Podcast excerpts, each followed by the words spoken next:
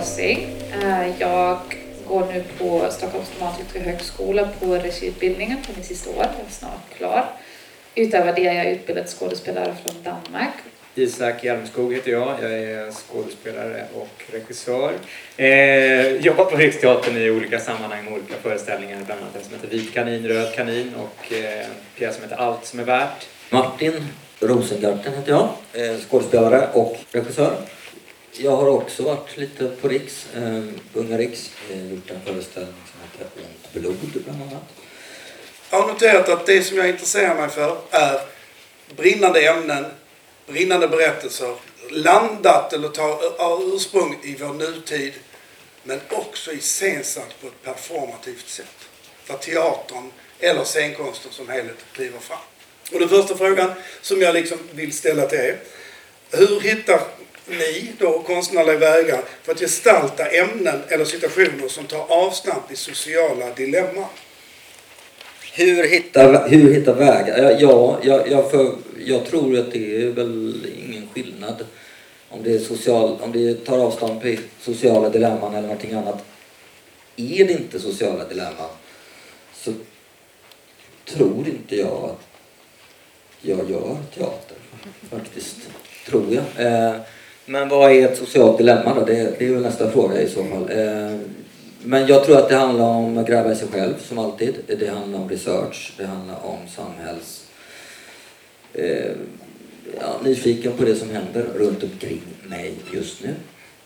Jag tror personligen det finns en viss rädsla för att när man ska gestalta ett socialt dilemma eller gestalta saker, att ta avstamp i det, att Ehm, försöker formmässigt förstora det ämnet ehm, och göra något eh, kraftigt ehm, konstnärligt påstående såväl som ett, eh, ett ämnepåstående, ett tematiskt påstående. Eh, och det kanske kan göra så att vi oftast hamnar i den här socialrealismen.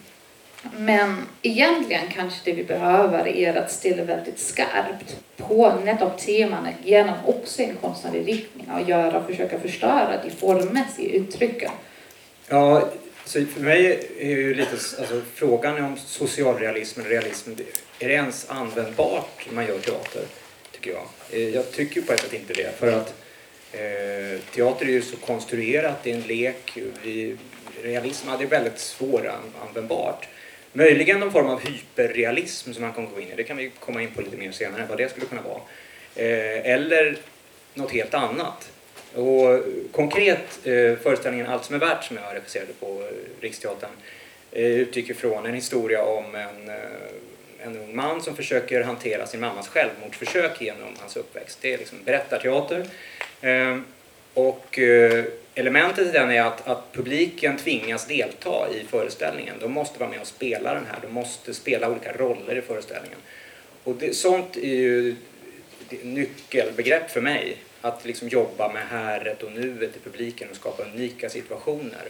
Ehm, och inte försöka liksom realistiskt gestalta hans vånda eh, i relation till mammans självmordsförsök. Och sen vad hyperrealism är, det kan vi gärna prata om mer. Mm. Det kan man lite direkt återkomma till det. Men här borta på Absent Friends, stolen som är tom, eh, är en hommage till Noah Nilsson som skulle varit här, men hon är gravid och kunde inte komma. Så hon hälsar så gott och hon har skrivit lite som jag kan återkomma till. Eh, men, men, och hon har då regisserat Bit i huvudet som hon diskuterar lite här. Liksom. Hon, hon säger någonting i stil med att, att jag jobbar, oavsett om det är en berättelse som har socialt dilemma det handlar om socialt utanförskap så angriper hon den på samma sätt som annan verksam, andra texter som hon iscensätter. Och hittar motsättningar och, och liksom viktiga ståndpunkter i berättelsen. Men det är den lilla korta hälsningen från henne. Mm. Men det var också bara som svar på det också du säger och det här att jag, jag har svårt att se att man har en sam, samma tillgång till ett ämne Alltså så förstår jag att man inte vill göra det om det är ett socialt dilemma. Men jag tror att man går till det på väldigt olika sätt. Och jag tror att det finns en mycket större liksom, ängstlighet när man berör något som är liksom, vad säger man, väldigt aktuellt i samhället eller väldigt betänt så att säga. Um, framför när man för exempel gestaltar Molière eller något annat var man har mycket lättare att skapa ett formmässigt stort uttryck. Eh, och därför på något sätt så hamnar vi alltid i, eller inte alltid, men ofta i någon sorts socialrealism för att vi måste stå inne för de människor som vi gestaltar och visa dem på ett realistiskt sätt. Kanske för att vi tror att det porträtterar dem bättre eller det gör att vi respekterar dem bättre. Men egentligen det vi gör ju kanske att försöka påstå oss mer att vara dem. Mm. Och det är ju i sig också en teaterform. Mm. Eh, Bara att vi är i en scen och salongsituation är en form i sig. Eh, Men jag tänker på Noras pjäs eh, Biet i huvudet, Fennick, som jag också har jobbat med som dramatiker. Som är ganska eh, poetisk men också social, eller realistiskt språk ska jag säga, men sönder, sönderklippt ofta. Och det är ju ett sätt att, att tvinga en, eh, en ensemble och en regissör att eh, utmana sig. Eh, han stoppar medvetet in små fel här och där. De är omöjliga att lösa. Och jag vet inte vad det är där. Jag vet bara vad det var i Svarta vattnet som jag regisserade. Där fanns det plötsligt en ny karaktär som bara dök upp. En replik. Och det, det var en ingång för oss. Eh, för mig var det, tog det nog ett tag innan jag ens fattade att det var så. Jag trodde att det var eh, ett översättningsfel eller en miss. Men jag gick tillbaka till, till både engelskan och tyskan och där fanns det exakt samma. Eh, Och vad gav det er då? Eh, Det gav ju att allting i hela pjäsen är en gåta. Allt i arbetet är eh, ett undersökande, ett, ett gemensamt beslut. Alltså jag måste ta hjälp av mina teatermakare runt omkring mig för att lösa problemet. För att hitta lösningar på gåtan. Och då eh, behövde vi inte koncentrera oss någonting på att hitta en, en konstnärlig twist på det här. Eller någonting. Utan det var ju bara att lösa gåtan. Det var ju tillräckligt svårt helt enkelt. Eh, Så där tror jag det finns massa i själva, i själva texten. eh, Det, börjar, det måste börja redan där i så fall. Eller i tematiken när man börjar. Men har ni någon gång, har ni någon exempel som ni har, för att liksom, hittar vägar in i det, valt att liksom osäkra rummet, osäkra relationer med publiken, eh, sätta dramat i ett eh, klaustrofobiskt rum eller något annat där, där rummet och publikens förhållande till eh, den, den konstnärliga utsagon har, har ni jobbat med det någonting? Eller finns det någonting som ni liksom har reflekterat kring? Ja, jag kan börja. Jag, jag tycker att det är väldigt intressant att jobba med publiken. Och jag tycker att det väldigt ofta finns bara två förhållningssätt till publiken. Antingen så ser man på dem som en fördummande massa som måste förklaras allt väldigt tydligt och annars intresserar vi oss inte alls för dem. Men man skulle kunna tänka sig en mellanväg där man låta allt utgå ifrån dem. Inte för att det ska förklaras eller man måste vara övertydlig, men därför att man kan få supermycket inspiration. Man kan utmana sig själv genom att tänka att den problemställningen man försöker gestalta inte nödvändigtvis behöver att vara emellan två karaktärer på scenen, alltså två psykologiskt gestaltade människor, men kan hända i publiken som en problemställning istället. Eh, och det tycker jag är ganska mycket för mig en essens i det här. Ja, men det är ju väldigt intressant som du går in på. Att, då tappar man ju också delvis kontrollen över vad är det man undersöker och berättar när man lägger ut det i publikens upplevelser av det och deras fantasi och, och deras relationer till det. Eh, Men frågan är då om man gör det, för om man ar- arbetar med publiken som en samtalspartner, alltså inte som en okontrollerbar massa, men som någon som man faktiskt ja, på många sätt, vilket man kan, styra deras väg in i ett material, eh, så, så blir det ju inte så. Men det finns också liksom en, ett sätt att prata om det på teater som om att det är fult. Att det är fult att man vill försöka styra folks håll, alltså man, vill, man ska försöka styra vad folk tycker om ett visst material. Men det kan ju också vara en gestaltningsmetod i sig själv. Mm. Att genom att försöka det kan man provocera fram andra åsikter eller skapa en motstånd som skapar samtal efteråt. ja. Ja, och jag vet inte, det, det, det knyter an till någonting som jag tänkte på att det är spännande att försöka låta publiken uppleva tematiken de facto. Det är kanske precis det du säger. Mm. Istället för att bara höra om den eller se om den eller se karaktärer gestalta någonting utan att de själva sätts i det. Eh, ja. Precis, och där kommer vi tillbaka till något av det som du sa här tidigare eh, när vi diskuterade kring realism. För det som jag för exempel har, har använt mig som grepp är en, inte en social realism men något som man kanske kan kalla en hyperrealism där man försöker skapa verklighet på scenen mellan publiken och det som händer. Så man liksom på något sätt luras in till att tro att det här händer på riktigt varje gång varje föreställning framförs. Och det måste ju på något sätt vara den ultimativa formen för realism. Ehm, och vad skapar det då? Det skapar ju någon sorts av att man måste handla som publik här och nu. Man måste vara aktiv för man kan inte distansera sig. Man ger inte möjlighet för att distansera sig. För man italesätter direkt, man tittar på dem, man är direkt i rummet med publiken eller man låter dem utsättas för något som är så antingen obehagligt, provocerande eller på andra sätt att de inte kan inte reagera. Du använder något sånt i eh, Kamraterna. Där, där fiktionen plötsligt började rämna och de blev väldigt personliga, privata med varandra. Och ett par var gift och de började prata om sitt eget äktenskap. Och sen började de dessutom diskutera att killarna hade egentligen bestämt att de hade valt en STD-elev att regissera för då kunde killarna ändå bestämma. Och det var en väldigt intressant vändning i det. Hur, hur tänkte du i, i det? Där? För det är ju ett sätt att så att säga osäkra rummet.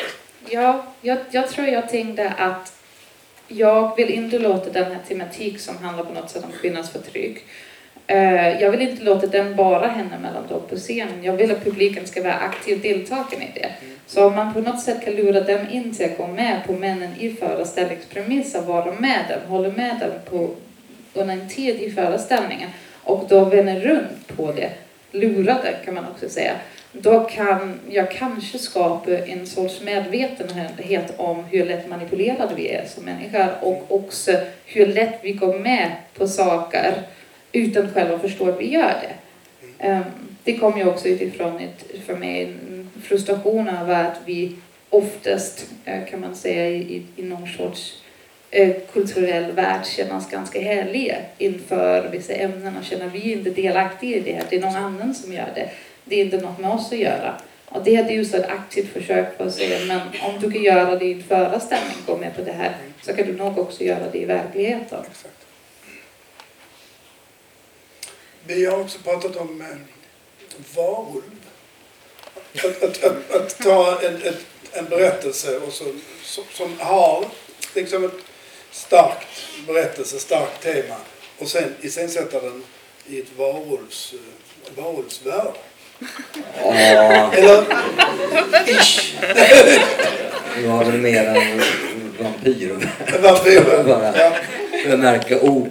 Ja. Eh, I det sammanhanget är det väldigt viktigt att märka. Ja, det är det. är det. Ja, det Sorry. mon, monstersammanhang. Nej, men där, där, för mig var det nog inte så. Det, det var väl en, eh, en klassisk eh, ung, växa upp-historia. Mm. Eh, ska man säga. Och, eh, där vi använder monstervärlden som en del av kufen helt enkelt. Mm. Den, utanförskapet och, och där det inte ifrågasätts som någon fantasi alls utan tvärtom, det är så Mm. bara. Dessutom i den föreställningen var, men det var bara en del av tematiken. Det var det konstnärliga problemet där var att det var en eh, musikal. En hårdrocksmusikal. Med rök och, och, och eh, blod och eh, distade gitarrer och alldeles för hög volym för att få fram en dialog. Det var ju skitsvårt. Eh, då blir det ju, det är samma sak där, då tvingar man ju in, då, då osäkrar man rummet, inte för, kanske för publiken, men för, för de stackars skådespelarna. Som både skulle spela instrument, sjunga och berätta en berättelse och skådespela och ha ett karaktärsarbete. Eh, de hade ju, det fanns ingen chans för dem att ens liksom eh, ha ångest längre. De hade så mycket, de hade så mycket att göra. Men är inte, är inte just det som publiken kanske älskar mest av allt att se? Se de stackars skådespelarna slita med en omöjlig uppgift. Eh, jo men det, det finns ju Nej, men, Ja, det jo, finns ju, för då blir det ju någonting som är ett motstånd som är på riktigt. Eh, man ser vilka uppgifter som människorna på scenen ska försöka göra och man får följa dem i realtid när de försöker hantera till synes omöjliga uppgifter. Och det, då blir det ju liksom på riktigt och det där är ju intressant när man talar kanske om att realism eller teaterrealism känns eh, meningslöst men att det här reella, det på riktiga är jätteintressant. Ehm, och jag vet inte vad det ligger i. Det är väl att eh, man vet att man ser att det inte är kontrollerat och repeterat kanske. Mm. Att det liksom är en händelse. Är det inte det som är mer, är det inte det som är mer åt hyperrealism i så fall? Alltså att det är riktiga, riktiga eh, uppgifter som inte går att varken göra fel eller lyckas med på scen utan det ska bara göras och det kommer bli olika varje gång. Apropå Ja, hyperrealism. just det. De- Precis, Eller- och, och det är ju också liksom ett sätt att använda, som du säger, osäkra rummet. Um, men jag tycker också att det finns ett, alltså en svårighet i det därför att skådespelartraditionen i Sverige är super, likaså väldigt mycket hyperrealism och har en väldigt Strindbergsk och hela den riktningen eh, tradition. Vilket jag tycker gör det svårt i samtalen att, att men att skapa ett rum där skådespelaren inte nödvändigtvis är den som är 100% i fokus. Där det finns andra sätt att gestalta, där formen, där det runt om kan vara lika viktigt. Eh, Jag undrar lite, nu är ni båda skådespelare, men, men hur ni förhåller er till det och hur ni liksom arbetar med det. Eh, Jag, jag känner igen det jätteväl. Eh, Jag tycker ju själv som skådespelare att det är väldigt roligt att vara en liten del i ett stort rum. Eh, I ett stort konstsammanhang, en stor bild.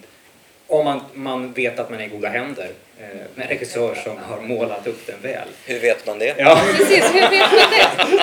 Nej, precis, hur vet man Nej, det vet man inte. Det är, det är någon slags magkänsla man får gå på när man står i ett litet hörn och, och gräver i en liten hink med ryggen mot publiken intill.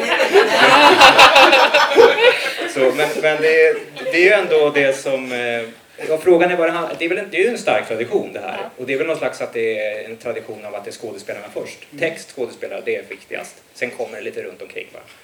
Precis, och det, jag tycker att det där är superspännande. För det, det handlar också om att om vi ska skapa de här nya vägar som, som vi har pratat om, hur man får nya vägar till att, att göra det här.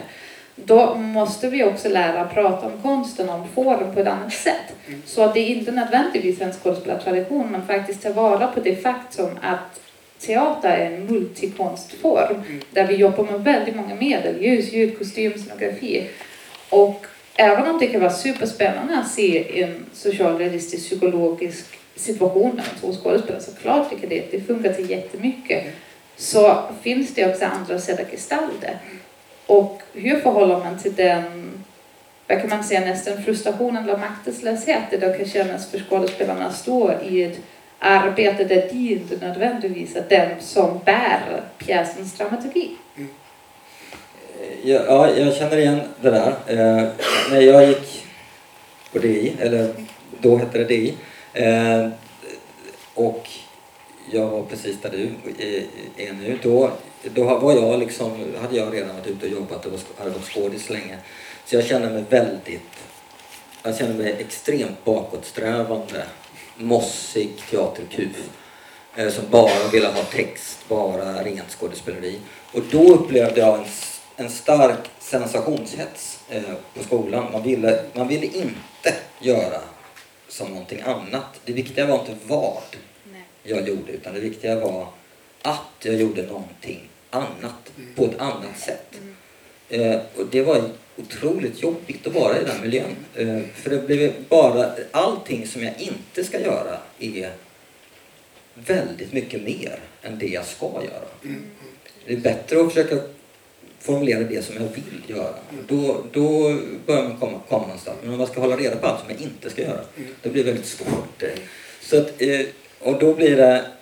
Och jag kan å andra sidan fatta att man vill komma åt att spräcka den där eh, liksom, ja, bilden av vad teater är.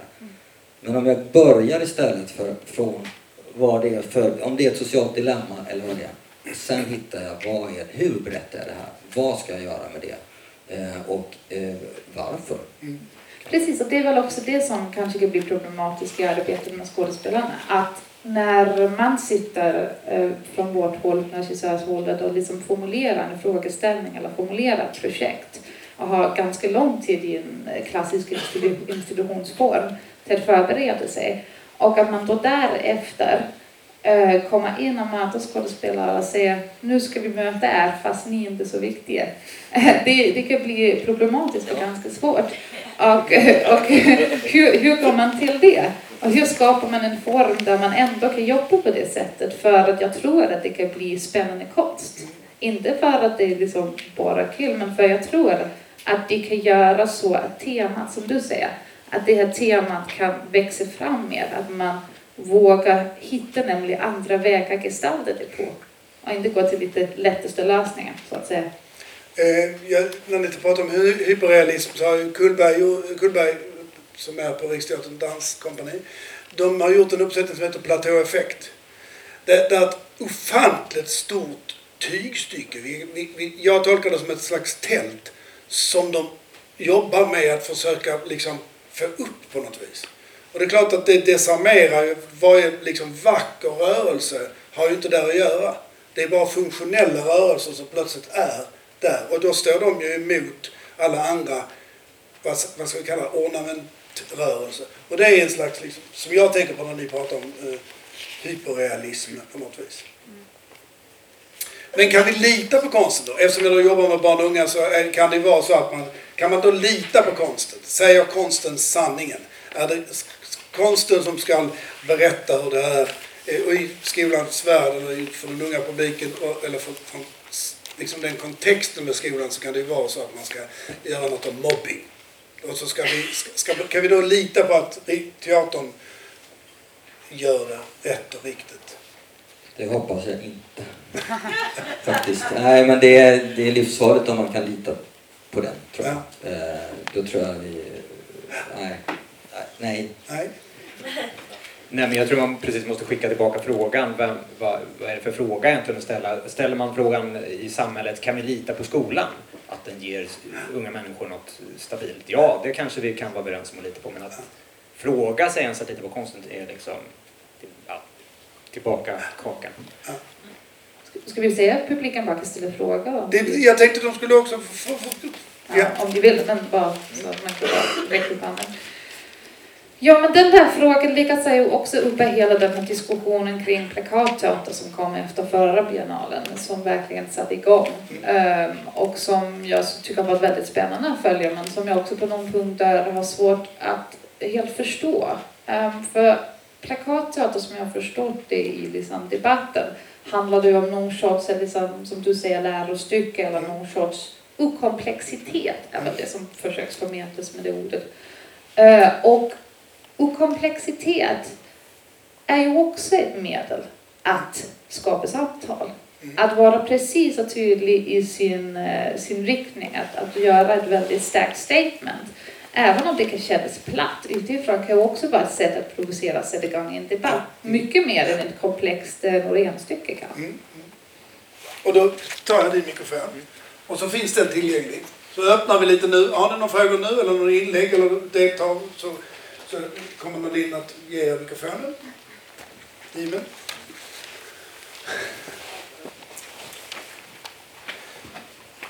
Ehm, går det att gestalta, kan ni gestalta all typ av utanförskap eller finns det utanförskap som ni faktiskt inte har rätt att göra, gestalta?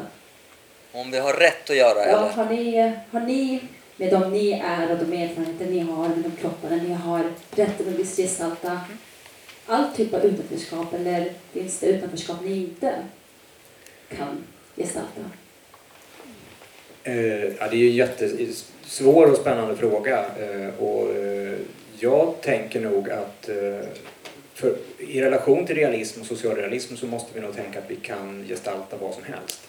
Eh, inte bundet ut, ut, utifrån vilka vi är eh, och vad vi individuellt har för erfarenheter. För att i motsats, det är ju en jättediskussion liksom, men jag menar, motsatsen är väl annars kan jag bara gestalta mig själv som född i Norrköping och egentligen kanske ska prata östgötska och född 1977 och, och liksom ha bara det perspektivet och den jag är.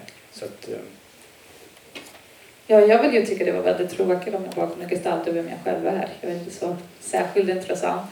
Eh, det finns ju liksom väldigt spännande spännande teman, väldigt spännande sociala dilemman. Och jag tror att det, jag tror konsten är helt och hållet avhängig av att vi försöker sätta oss in i varandras positioner, försöka se det utifrån varandra. För det, för mig är det det som är mänsklighet.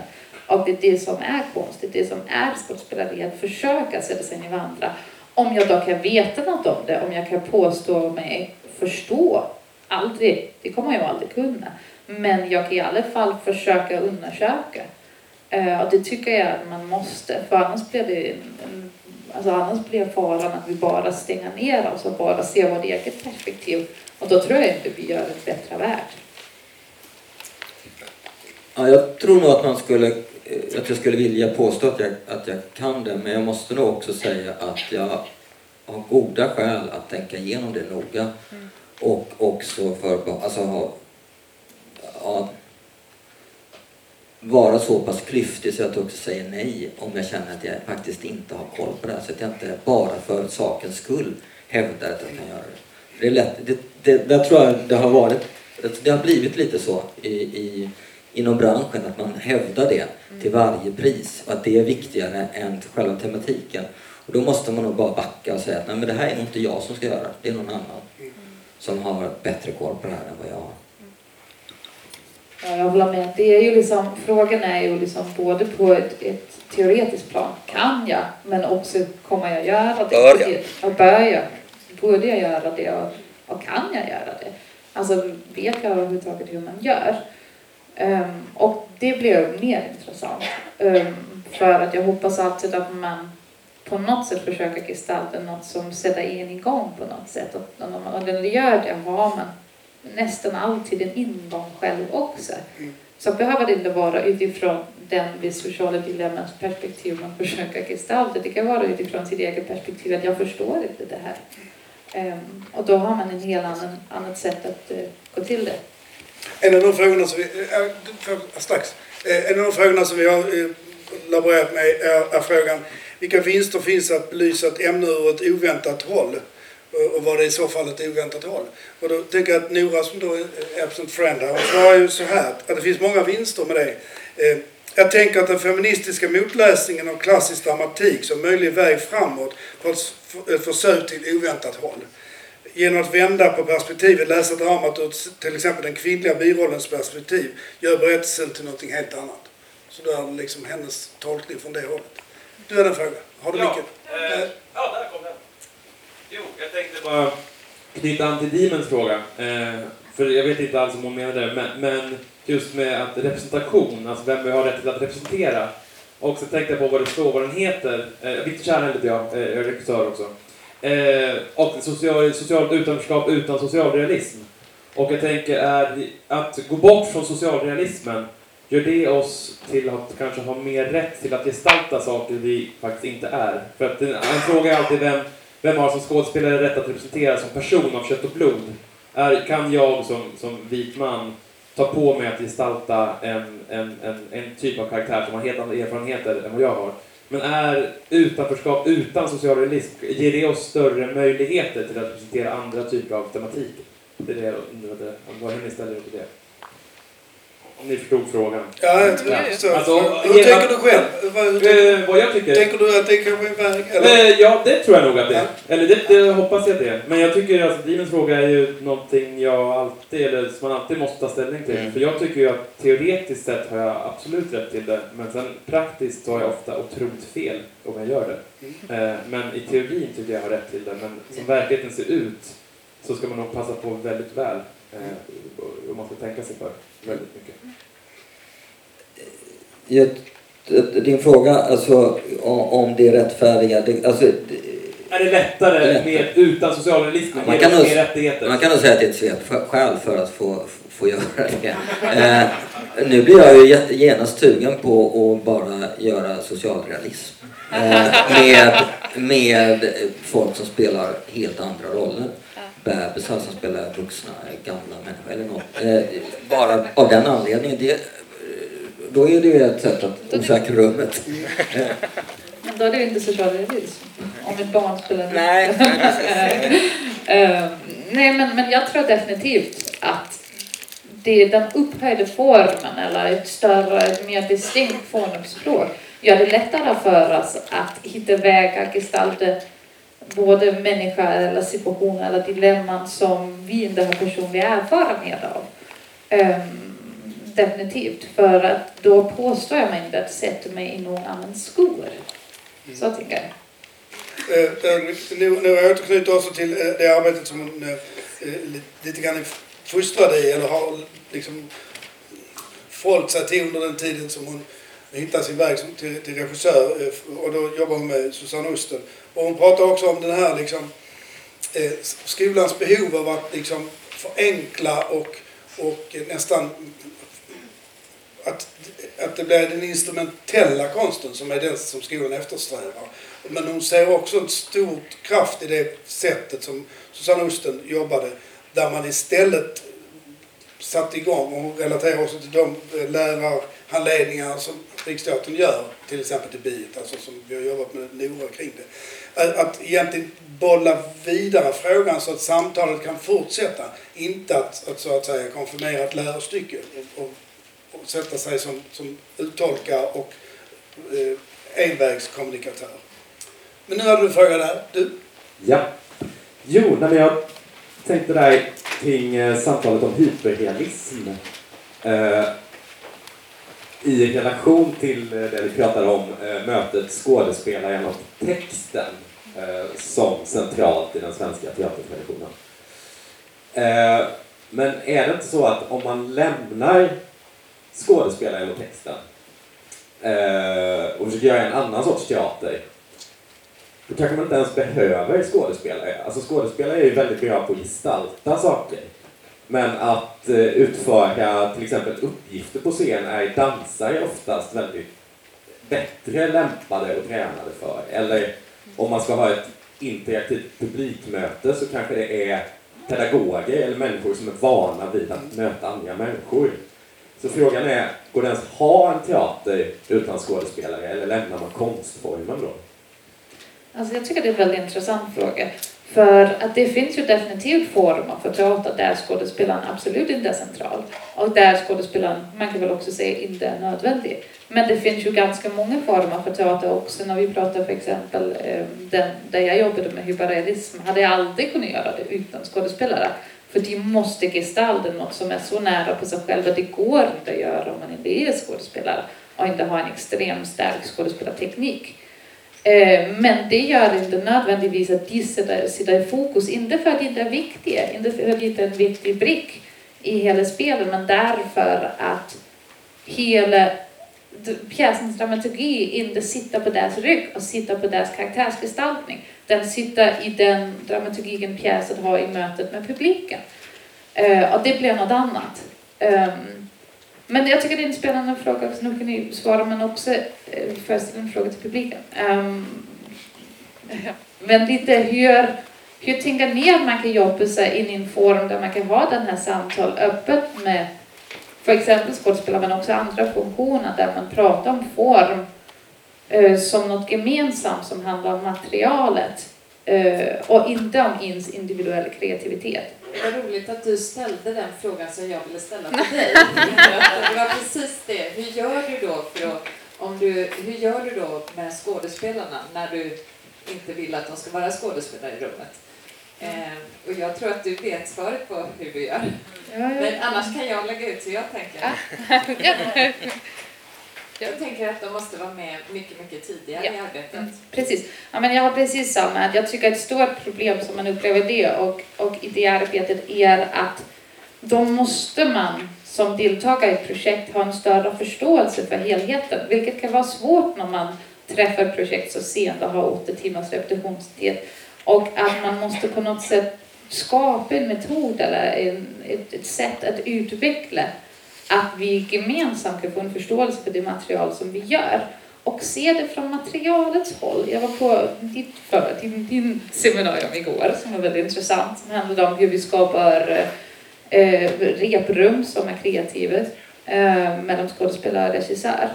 Och det som jag tyckte var väldigt intressant med det var att det var med väldigt mycket prat utifrån individer, utifrån egen kreativitet och min kreativitet är en liten box som måste passa in i ett större sammanhang. Istället för, som, som du också sa Martin, att eh, man tar utgångspunkt i materialet och man ser vad är det materialbehov för. Då kanske inte min speciella sätt att jobba på får plats här, men för att vi försöker utforma ett gemensamt arbete. Ja, jag tänkte svara lite på det som du frågade apropå, behövs det en skådespelare? Och det är klart att det kan man ju fråga sig. Men eh, kanske framförallt ska, måste man träna på nya saker på skådespelarutbildningar eller för skådespelare som har jobbat. Ja, på publikmöten eh, och att ska, liksom, ha live-situationer som pågår som är improvisativa. Och, eh, eller dansa, dans, vad, vilken typ av träning gör dansare mer lämpade? Ja, det kanske man skulle försöka plocka in då i så fall för att mer bara kunna utföra saker. För jag tror att ett, ett, ett problem det här med häret och nuet, vad jag upplevt som skådespelare också, är att man tränar väldigt lite på, på den, att ha en sån osäker situation. Man vill ha en skyddad, man ska ha sin egen liksom, fiktion som man jobbar med. Fortfarande med ganska mycket, och, eller så har det liksom, det är väl förändring förhoppningsvis, men eh, så det är ju en träningsfråga skulle jag säga. Eh, men det är klart att skådespelarna är nödvändiga. Ja, och, och, och, det är så många frågor. Eh, ja, jag tycker nog det, att de behövs. För då ah, är de inte där, då blir det någonting annat. Då är jag inne på performance eller en annan scenkonst och det är väl helt okej. Men då är den, jag är nog sån teaterromantiker så jag vill ha skådespelare. Kanske en publik också. Eh, men eh, jag tror att, att eh, det där med osäkra rummet eller att använda uppgifter på riktigt, det, det tror jag är ett bra sätt att påminna skådespelarna om att få till det, ehm, att, att skärpa sina sinnen. Eh, jag gjorde ett sånt moment i, i Svarta vattnet som jag gjorde på, i Malmö där det fanns, eh, det, det mynnade ut i, i blindbock, leken blindbock och det var helt improviserat varje kväll. Allting annat var väldigt noga lagt men det momentet var olika längd, det var olika saker som hände. Det fanns en scenkant som de kunde ramla ner. De hade en uppgift att ingen skulle skada sig. Men allting annat kunde hända där. Och det skärpte deras sinnen. Och då kunde man börja ifrågasätta. Vad är, alltså det räckte för mig. Jag kunde sitta och titta på det jättelänge. Det var jättekonstigt att det, att det var så. Men det eh, i, i sin tur så skapade det en, en leklusta och en medvetenhet hos ensemblen om deras gemensamma mål att berätta den historien. Så jag tror att det höjde det kreativa rummet eh, tillsammans eh, eh, då i alla fall. I det arbetet var det en bra, bra ingång. Eh, men det där som vi var inne här på eh, om, om eh, hur, hur, jag tror att det är precis där, man måste ha skådespelarna eller hela, hela alla teatermakarna runt omkring sig så tidigt som möjligt och gärna i många projekt. Alltså en, det behöver inte vara innebära att man ska ha fasta ensembler men man måste ha, man kan, man kan jobba kring det på många olika sätt. I Malmö på Stadsteatern där så läser nu skådespelarna hela tiden ganska mycket pjäser, träffar mycket folk och på det viset eh, skapar en medvetenhet hos hela personalen om vad som kanske ska upp på scen. Eh, och där har det nu, tycker jag, blivit en mentalitet som är där faktiskt flera säger det här vill jag se på scen, men jag ska inte vara med. Det här måste någon annan göra. Och det tycker jag är väldigt fint att, att höra från en, en ganska eh, egoistisk bransch där man gärna vill vara, framhäva sig själv. Men det tar tid helt enkelt. Det är en långsam konstform. Vill ni säga någon sista reflektion kring det samtal vi har fört nu och det samtal vi har fört tidigare och de inspel vi har fått av publiken? Alltså jag tycker att samtalen kring form och hur vi skapar nya vägar inom teatern är super, super viktigt för att det, det finns ju tendens till såklart att vi liksom stagnerar, inte kommer vidare. Och jag tror att vi måste fortsätta utmana varandra och också förstå varför är det vi gör teater. Varför är det vi vill, eh, varför är det vi vill prata om sociala dilemman? Handlar det om någon sorts underhållningsvärde? Handlar det om att vi har fått ett uppdrag från eh, kommunen? Vad handlar det om? Och varför? Och ta utgångspunkt i det. Så att vi också förstår att det måste vara det som är centrum när vi gestaltar istället för det privata, det personliga. Men, och jag skulle bara uppmana, från, från mitt håll skulle jag bara vilja, alltså jag tycker att barn och ungdomsteater är fantastiskt. För du har, ni har en publik där som, som står inför livets dilemma för första gången. Det är liksom, för, det händer saker hela tiden för första gången. Och, och, och det är också en publik som inte är van vid en kontext, alltså van vid att så här ska teater vara. Så förförståelsen och förkunskapen är noll. Man kan göra precis vad som och det är, det är liksom helt okej. Men du måste göra det i interaktion med, med publiken. Tack!